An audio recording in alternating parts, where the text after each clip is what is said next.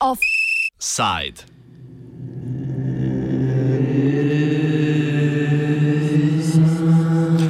Zmaga NLB na srpski razprodaji.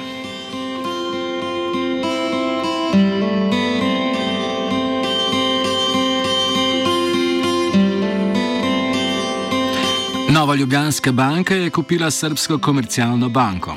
Predsednik uprave NLB Blaž Brodnjak je s srpsko vlado podpisal pogodbo za nakup 83,23 odstotnega deleža komercialne banke.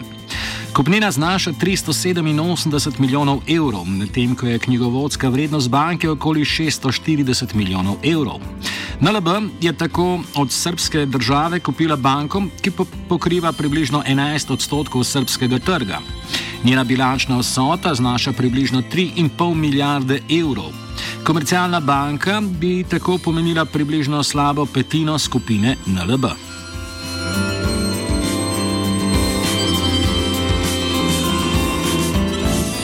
Brodnak je ob sklenitvi posla povedal: citiramo. Krepitev naše prisotnosti v Srbiji, največjem od naših strateških tujih trgov, na nadzorovan način, ki povečuje vrednost, je za skupino ključna strateška prioriteta. S tem bo NLB postala tretja največja bančna skupina v državi z edinstvenim položajem ene od vodilnih bank na vseh trgih, kjer je skupina prisotna. Konec citata. NLB je na srpskem trgu namreč že prisotna, a ima le nekaj več kot odstotek tr tržnega deleža. Širitev v Srbijo in drugot na Balkan pa je na agendi NLB že vsaj od leta 2004. Na ta način se NLB namreč vrača na trg, na katerem je, še kot Ljubljanska banka v Jugoslaviji, bila dominanten igralec.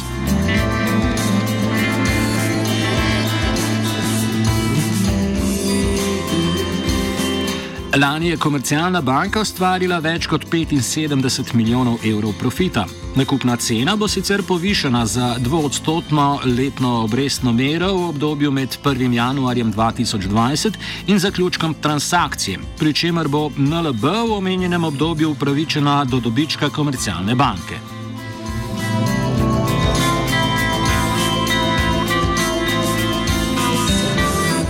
Po pridobitvi soglasja Narodne banke Srbije bodo pred zaključkom transakcije izplačane že potrjene, a ne izplačene dividende in nagrade zaposlenim za prejšnja poslovna leta. Delničarji komercialne banke bodo prav tako pred zaključkom transakcije prejeli dividendo v vrednosti polovice čistega dobička za lani, a največ 38 milijonov evrov. Tako bo srpska država, daleč največji lasnik banke, nekoliko zvišala osnovno prodajno ceno.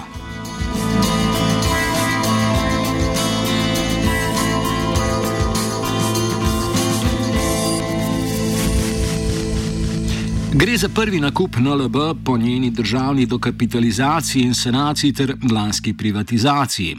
Omejitve na nakup drugih bančnih skupin so odpravljene prav s tem, ko je bila izpolnjena zaveza slovenske vlade Evropski komisiji, da bo svoj lasniški delež v NLB zmanjšala na 25 odstotkov plus eno delnico. Država je v NLB sicer največji posamezni lasnik, a ima Bank of New York Mellon več kot 60 odstotkov delnic v upravljanju v vlogi depozitarja.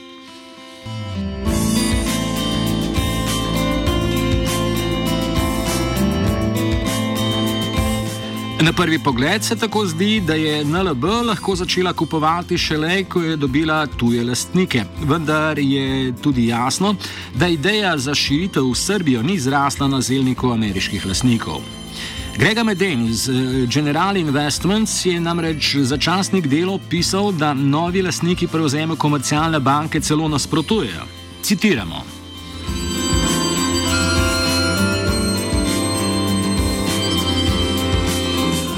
Na oster upor temu načrtu je uprava naletela pri svojih novih lastnikih, zlasti pri ameriških investicijskih skladih, ki so delnice kupili v prvi javni prodaji pred letom dni in kasneje na londonski borzi, kjer kotirajo potrdila o lastništvu delnic.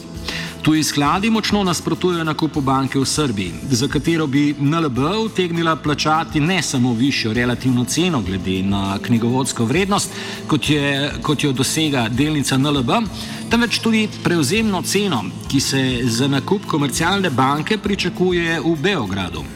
V oči namreč bode podatek, da je srpska vlada od mednarodnih vlagateljev pred meseci odkupila slabih 7 odstotkov banke po ceni, ki presega knjigovodsko vrednost delnice za skoraj 15 odstotkov.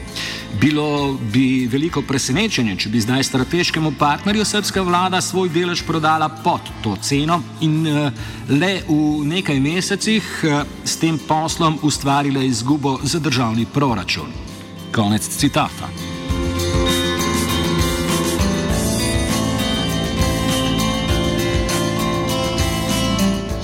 Vendar je srpska vlada, kot kaže, storila prav to. Svoje delnice v komercialni banki je prodala pod tržno ceno in pod ceno, za katero jih je kupila lani.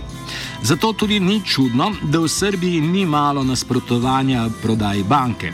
Celo guvernerka Narodne banke Srbije, Jorgovanka Tabakovič, meni, da ni potrebe po prodaji banke in da je država lahko odgovoren lasnik. S prodaja banke bodo v Srbiji tujci imeli več kot 85 odstotni delež bančnega trga.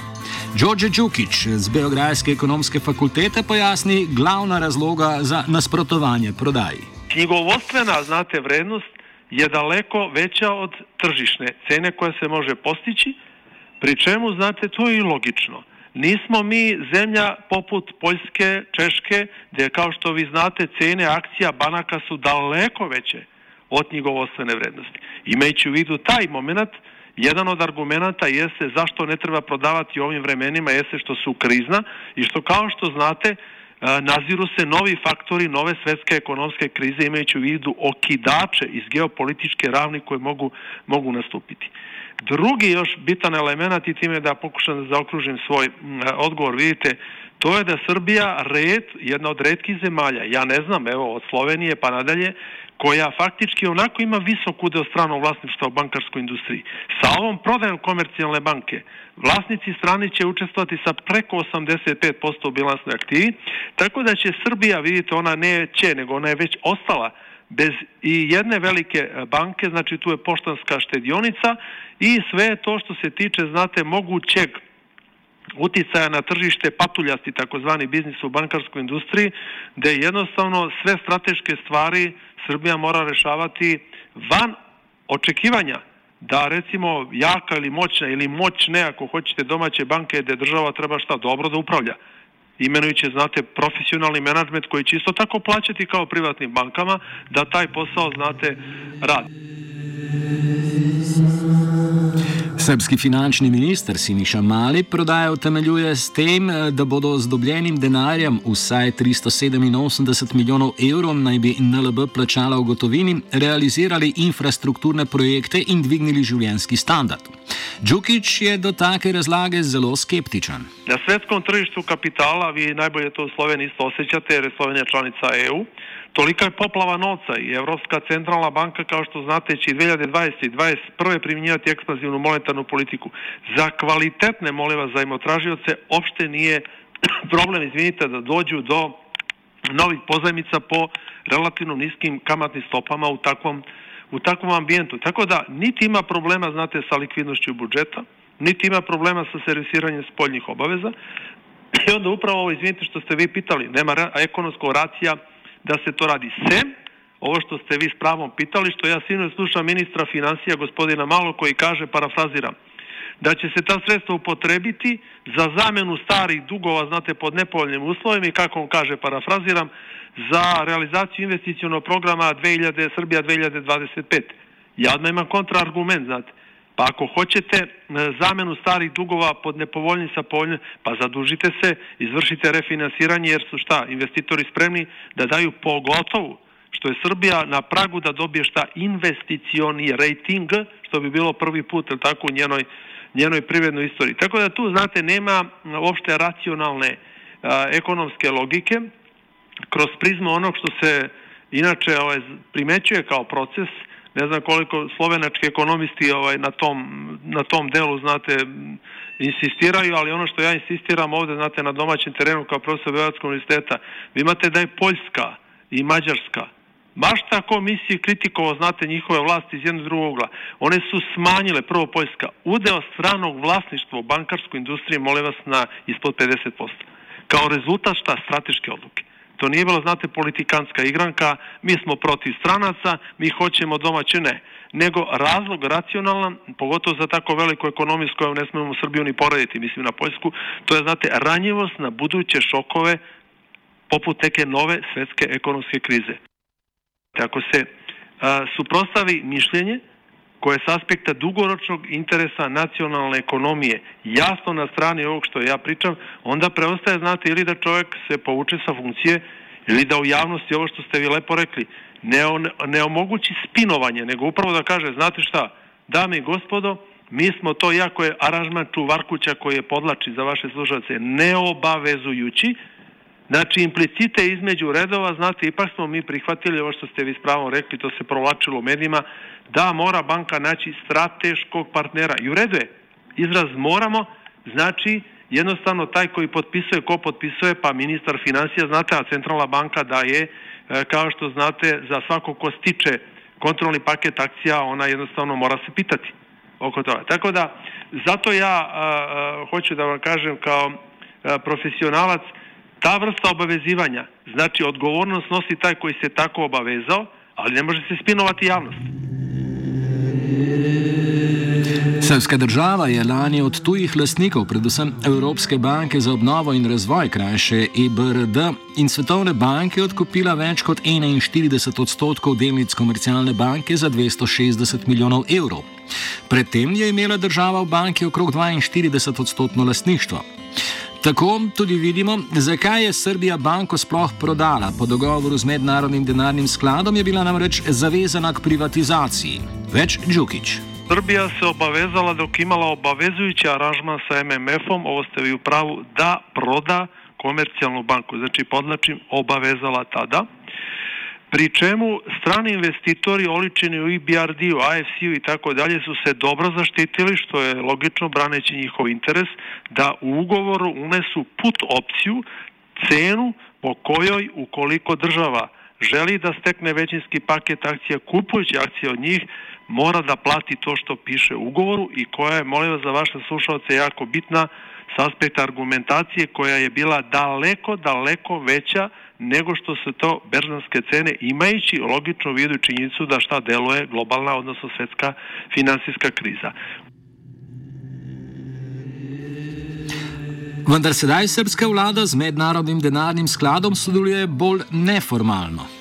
Srbija je izašla iz obavezujućeg aranžmana.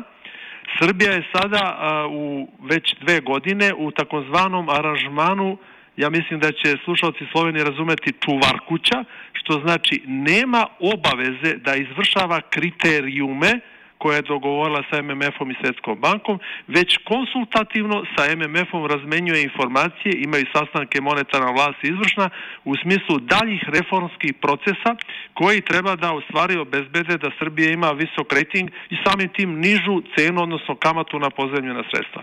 Ključna dimenzija ovde, ovo što vi pitate, jeste to je da Srbija sada nije u poziciji da mora da proda komercijalnu banku, jer na to eksplicitno u aranžmanu MMF-a sada koji se zove Čuvarku, Čuvarkuća ne stoji. Drugo je što možda znate postoje neformalni pritisci. Ja to ne mogu da vam odgovaram jer je to već ravan spekulisanja. Gre za to, da je bila leta 2006 banka prodana tujim lastnikom. Ti pa so si z dogovorom zagotovili, da če bi država želela banko odkupiti nazaj, bi to lahko storila po vnaprej določeni fiksni ceni.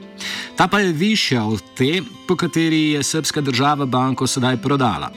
Tuji lastniki so po besedah Džukiča poskrbeli za to, da banka spet posluje pozitivno. Obavezujućim aranžmanima 2006.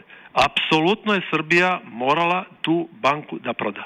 Znači, obavezujućim aranžmanima. Bio je jedan privatizacioni savjetnik, to je bila Namura iz Londona, tu se stvar odvijala kako se odvijala, znate, due diligence, sve ono što ide da, odjedan put na mora više nema, angažuje se novi privatizacioni savjetnik, umeđu vremenu, znate, postavio se za predsjednika izvršno ova čovjek stranac koji inače bio radio neki od banaka u Srbiji, iščistio bilansi, kako mi to kažemo, komercijalne banke, znate, vrši otpis, što je sjajno u stvari, kad pogledate sjajno urađeno, izveo banku iz ravni onog što se zove velikog udela nenaplativih kredita i molim vas, banka jako profitabilno poslovala u prva tri kvartala uh, prošle godine i perspektiva je da će jako dobro poslovati. Onda ono što ja uvek vratim, znate, uh, pitanje na sto, a da li neko ako bi to bila lična imovina, da li bi on to prodavao? lična molim vas imove, namjerno to podati. Pa sigurno da ne bi, to se zove ono, znate, ne znam, u Sloveniji kako na slovenačku kaže domaćinsko poslovanje. Upravo komercijalna banka u prošlosti sada je bila primjer toga da znate stranke koje su se smjenjivale na vlasti, tretirale su to kao svoj stranački plen, imale, imenovale svoje članove izvršnog odbora, upravnog odbora, znate, uticaj na predsjednika, uključujući, znate, što sam ja bio delimično i zapanjen, da i BRD kao jedan od veliki vlasnika, pa i IFC, znate, nisu mnogo baš se pretrgli, znate, da takvu jednu praksu promene. Podobno razpravo, kakor smo jo imeli sami ob privatizaciji NLB, imajo sedaj torej v Srbiji. Če je bila prodaja NLB dober posel za ameriške sklade, bomo to, ali je bila prodaja komercialne banke ne na zadnje dober posel za NLB, še videli. Offset je pripravil Martin.